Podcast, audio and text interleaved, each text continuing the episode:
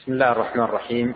الحمد لله رب العالمين وصلى الله وسلم على نبينا محمد وآله وأصحابه أجمعين. وبعد فنواصل القراءة في منظومة الشيخ عبد الرحمن بن سعدي رحمه الله مع التعليق عليها. بسم الله الرحمن الرحيم.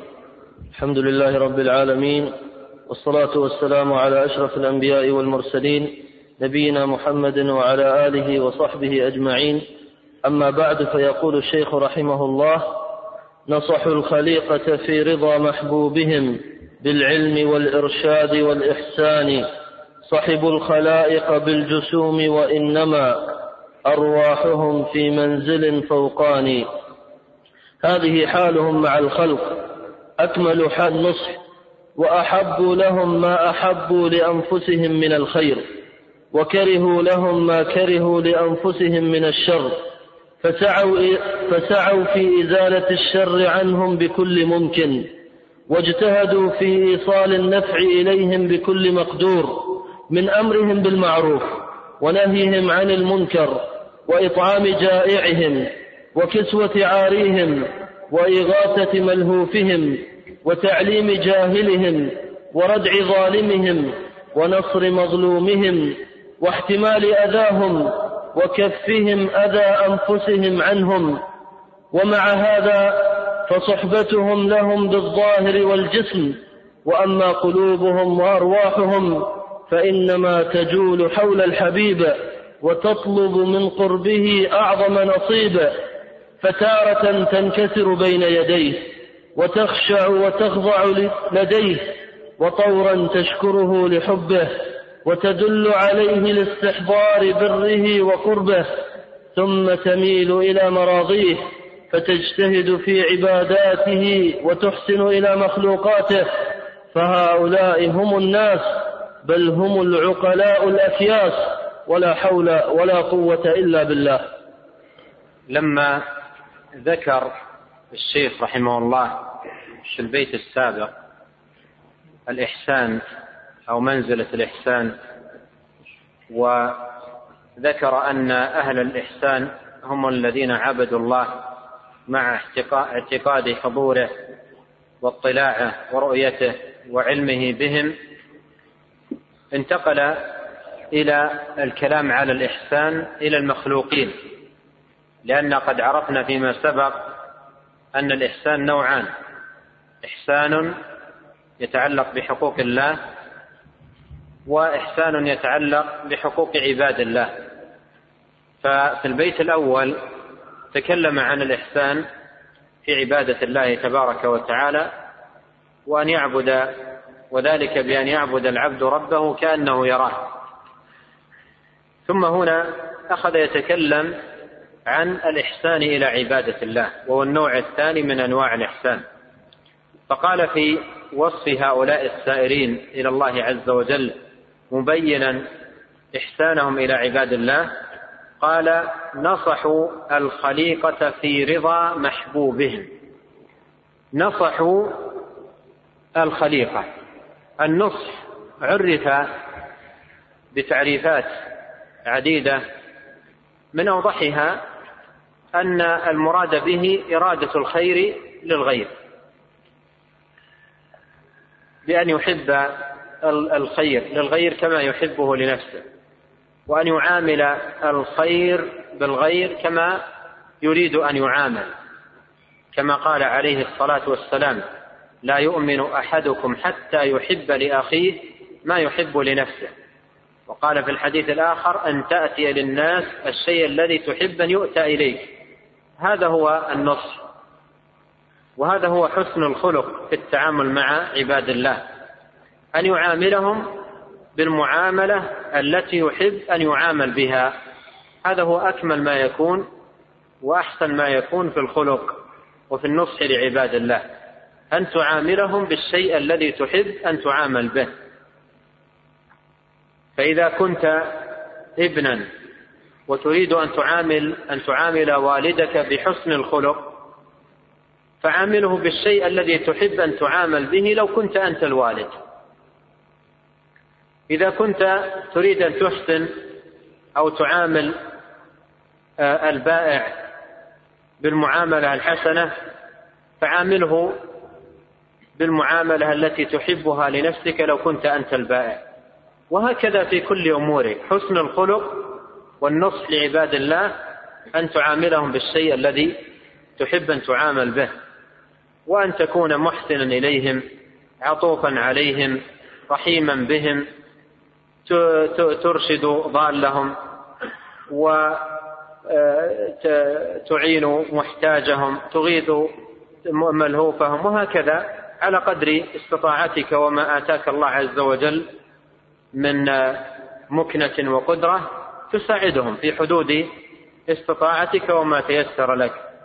قال نصحوا الخليقة. لأجل ماذا؟ قال في رضا محبوبهم. يعني هذا النصح منهم للخليقة لا يريدون منه شيئا إلا رضا الله. كما قال الله تعالى إنما نطعمكم لوجه الله. لا نريد منكم جزاء ولا شكورا. فهو يعامل الناس بالحسنى ويخالقهم بالخلق الطيب ويرحمهم ويعطف عليهم ويحسن إليهم ويساعدهم ويبذل ما يبذل. لا يريد من من وراء ذلك شيئا إلا رضا الله. تبارك وتعالى وطلب ثوابه في رضا في رضا محبوبهم. بماذا ينصحون؟ قال بأنواع بالعلم الإرشاد والإحسان. فبالعلم من وهذا من أعظم النصح للناس أن ينصح لهم بالعلم. يعني دلالتهم للعلم النافع الذي يهتدون به إلى العمل الصالح. قال الله تعالى في وصف أهل الإيمان ومما رزقناهم ينفقون. قال بعض السلف أفضل النفقة نفقة العلم. أفضل النفقة نفقة العلم. أن ينفق الإنسان من العلم الذي بلغه ووصل إليه بدلالة الناس إليه وتعليمهم وتوجيههم وإرشادهم. هذا أحسن ما يكون ولهذا بدأ به الشيخ رحمه الله. بالعلم والإرشاد يعني الدلالة سواء الدلالة إلى أماكن الطاعة والعبادة وترغيب الناس في عبادة الله أو إرشاد الضال التائه الذي لا يعرف الطريق فيدله على طريقه. هذا فهذا أيضا شأنه عظيم كما ثبت في الحديث الصحيح عن النبي صلى الله عليه وسلم فيما معناه أنه قال من منح منيحة أو هدى أو هدى طريقا فكأنما أعتق رقبة. أو هدى طريقا يعني دل إنسان إلى طريق إنسان ضايع في الطريق فقلت له الطريق من هنا. المكان الذي تريد في هذا الاتجاه فكأنما اعتقت رقبة. ومن منح منيحة المنيحة إذا كان عند عندك شاة أو نحو ذلك فتعطيها إياه. يحتلب منها أياما ثم يعيدها إليك فكأنما أعتق رقبة. وهذا يبين لنا فضل الإرشاد والدلالة ومعاونة الناس والإحسان إليهم. والله في عون العبد ما كان العبد في عون أخيه. والإحسان أي يعاملونهم بالحسنى وباللطف وبالأسلوب الطيب وبالرفق وباللين فهذه طريقتهم مع الناس. يعاملونهم بأحسن معاملة وأكرم خلق. صحبوا الخلائق بالجسوم. يعني مع هذه المعاملة العظيمة منهم للناس هم لا يصاحبون الناس إلا بالجسوم. جسمه مع الناس يصاحبهم ويساعدهم ويوجههم وما, وما إلى ذلك. وإنما أرواحهم في منزل فوقاني يعني قلبه و وفكره كله مع في في في منزل فوقاني أي فيما يتعلق بحق الله وتعظيمه وطلب ثوابه ورجاء رحمته وخوف عقابه والانكسار بين يديه والذل له فهو مع الناس بجسمه لكن قلبه مع مع الله عز وجل ذاكرا له معظما له خائفا منه راجيا طامعا. فهذه منزلة أهل الإحسان. صحبوا الخلائق بالجسوم وإنما أرواح خلق. أكمل حال وأجلها. فأبدوا لهم غاية النصر وأحبوا لهم ما أحبوا لأنفسهم. وهذا أحسن ضابط في في في في النصح والبر. أن تحب للناس ما تحب لنفسك وأن تعامل وأن تعاملهم بالشيء الذي تحب أن تعامل به وأن تأتي للناس الشيء الذي تحب أن يؤتى إليك. وأحبوا لهم ما أحبوا لأنفسهم من الخير وكرهوا لهم ما كرهوا لأنفسهم من الشر فسعوا في إزالة الشر عنهم بكل ممكن واجتهدوا في إيصال النفع إليهم بكل مقدور. ثم ذكر أنواعا من ذلك. قال من أمرهم بالمعروف ونهيهم عن المنكر وإطعام جائعهم وكسوة عاريهم وإغاثة ملهوفهم وتعليم جاهلهم وردع ظالمهم ونصر مظلومهم واحتمال أذاهم وكف أذى أنفسهم عنهم. كما قال عليه الصلاة والسلام لا يؤمن أحدكم حتى يأمن جاره بوائقه. أي لا يصدر منه أذى تجاه الناس. قال ومع هذا فصحبتهم لهم بالظاهر والجسم. يعني صحبتهم للناس بالظاهر والجسم. وأما قلوبهم وأرواحهم فإنها تجول حول الحبيب يعني في تعظيم الله والذل له والانكسار بين يديه ومراقبته والخوف منه وتطلب من قربه أعظم نصيب. يعني ويبحث عن هذا ويسعى في في تحصيله. فتارة تنكسر بين يديه وتخشع وتخضع لديه وطورا تشكره لحبه وتدل وتدل عليه لتستحضر بره وقربه ثم تميل إلى مراضيه فتجتهد في عبادته وتحسن إلى مخلوقاته. لما ذكر صفاتهم قال مثنيا عليهم فهؤلاء هم الناس. هؤلاء هم الناس. وهذا نظير قول النبي صلى الله عليه وسلم في الحديث هم القوم. فهؤلاء هم الناس بل هم العقلاء الأكياس. والأكياس جمع كيس وهو الفطن وجاء في حديث إسناده ضعيف المؤمن كيس فطن المؤمن كيس فطن يعني فيه كياسة وفيه فطنة وفيه نباهة. فالحديث هذا إسناده ضعيف وبمناسبة ذكر الحديث أذكر لكم لطيفة. أحد الوعاظ قرأ هذا الحديث وتصحف عنده في قراءته له فقرأه المؤمن كيس قطن. المؤمن كيس قطن ثم شرحه للحاضرين.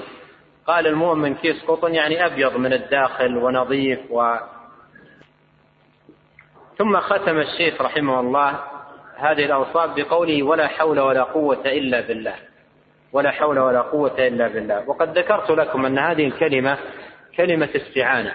فأنت لما تقرأ هذه الأوصاف وتعجب بها وتحب أن تتصف بها فعليك أن تستعين بالله. ولهذا لاحظنا الشيخ أكثر من مرة يقول والله المستعان. يعني إذا تريد هذه الأمور فاستعن بالله اطلب من الله العون. ولا حول ولا قوة إلا بالله هذه كلمة استعانة. أي لا تحول من حال إلى حال ولا حصول قوة للعبد إلا بإذن الله تبارك وتعالى. قال رحمه الله ألا بالله دعوت الخلائق والمشاهد كلها خوفا على الإيمان من نقصان. هذه منزلة الرعاية لحقائق الإيمان ومشاهد الإحسان. وذلك أن العبد لا ينبغي له أن يعرض عن تدبر أحواله والتفكر في نقص أعماله بل يبذل جهده قبل العمل وفي نفس العمل وتصحيحه وتحسينه ثم يصونه عن المفسدات وينزهه عن عن المنقصات فإن حفظ فإن حفظ العمل أعظم من فإن حفظ العمل أعظم من العمل فكلما ازداد العبد رعاية لعمله واجتهادا فيه ازداد إيمانه وكلما نقص من ذلك نقص من إيمانه بحسبه. ومن أعظم ما ينبغي مراعاته في العمل مشهد الإحسان. وهو الحرص على إيقاع العبادة بحضور قلب وجمعية على الله. وكذلك مراعاة منة الله على العبد وأنه ينبغي له أن يشكر الله على توفيقه لذلك العمل أعظم شكر. وكذلك مراعاة التقصير وأنك لم تؤت العب وأنك لم تؤت العبادة حقها ولا قمت بجميع ما تستحقها. وكذلك مراعاة الخوف والرجاء يخاف من ردها بعجب أو رياء أو تكبر بها أو عدم قيام بحقها أو غير ذلك. ويرجو قبولها برحمة ربه ومنه وإحسانه إليه الذي من جملته توفيقه لها. ثم ذكر الشيخ رحمه الله هنا منزلة الرعاية. وهي منزلة عظيمة من منازل السائرين إلى الله والدار الآخرة. ذكر الشيخ رحمه الله فيما سبق منازل عديدة من منازل السائرين إلى الله والدار الآخرة. ثم ذكر هنا في الختام منزلة الرعاية.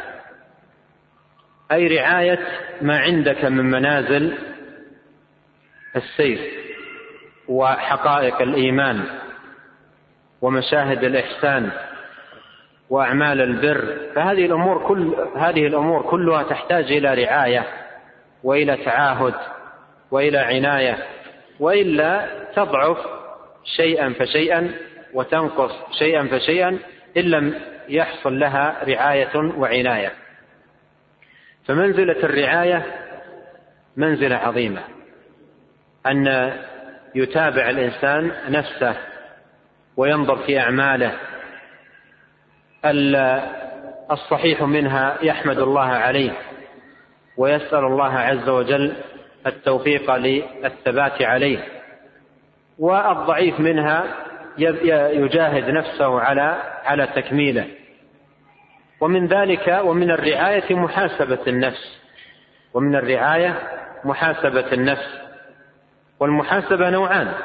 محاسبة قبل العمل ومحاسبة بعد العمل.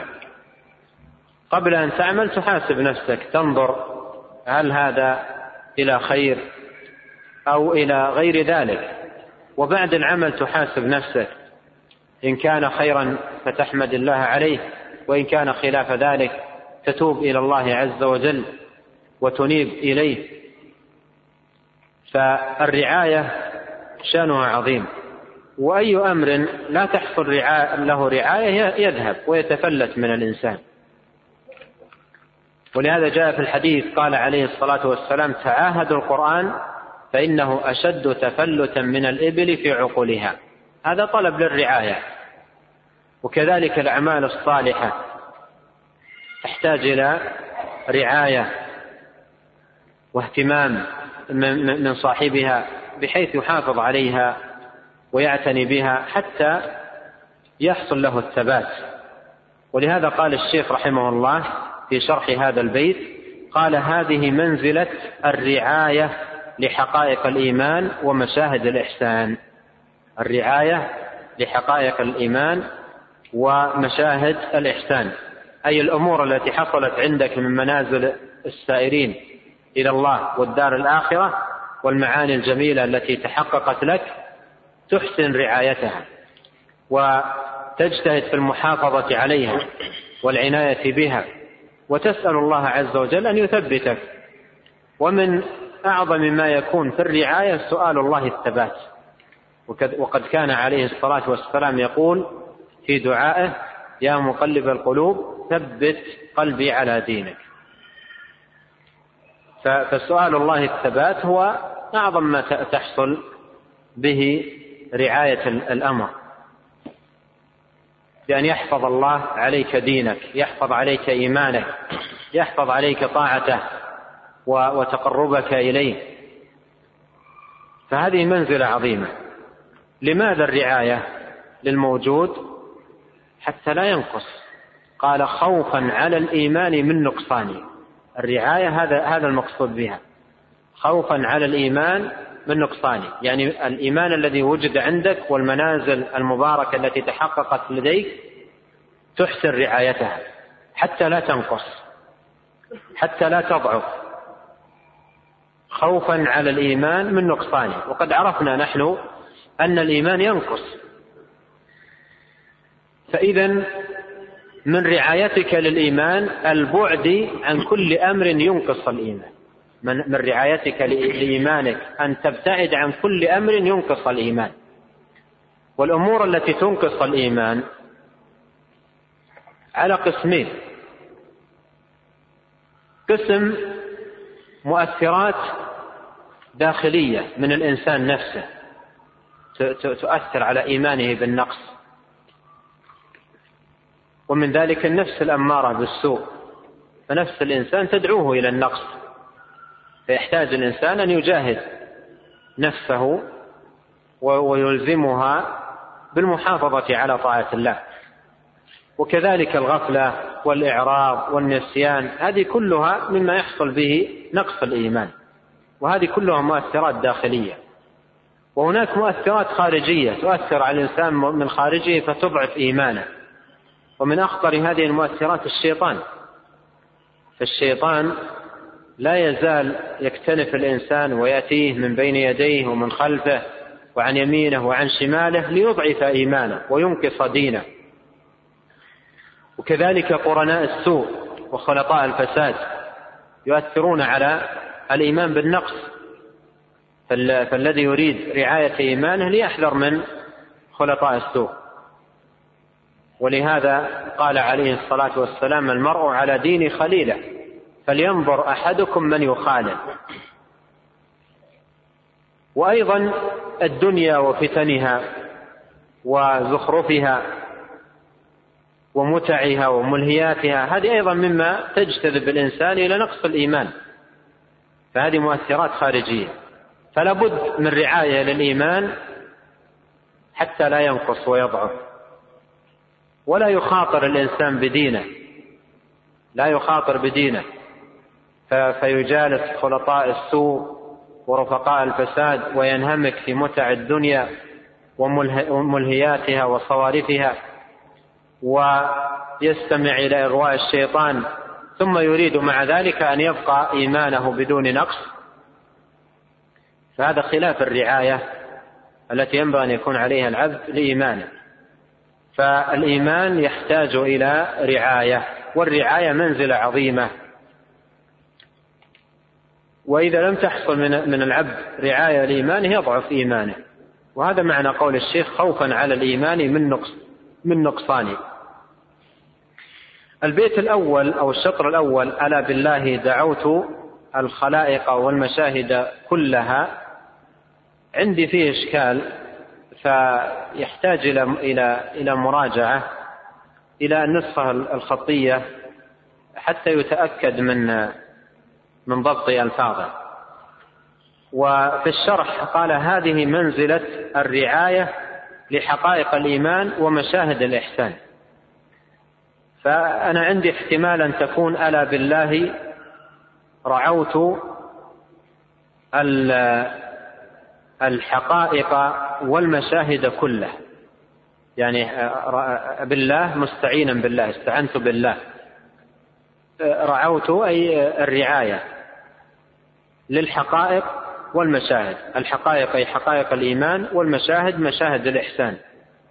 ولكنني لا أجزم الآن بشيء لأن الأمر يحتاج إلى إلى مراجعة. آه ثم وضح الشيخ هذه المنزلة وبينها قال وذلك أن العبد لا ينبغي له أن يعرض أن يعرض عن تدبر أحواله. انظر الرعاية ما هي. لا يعرض عن تدبر أحواله. فهذا يوضح لك ما هي الرعاية. أن تتدبر أحوالك. من أنت؟ وما أنت في عبادة الله؟ وما مدى عنايتك بها ومواظبتك عليها؟ محاسبة النفس. والتفكر في نقص أعماله. بل يبذل جهده قبل العمل وفي نفس العمل. ثم يصونه عن المفسدات. ولاحظون الرعاية تكون منك قبل العمل وفي نفس العمل وبعد العمل. قبل العمل يحصل منك رعاية له وتهيؤ جيد له لتأتي به على صورة طيبة.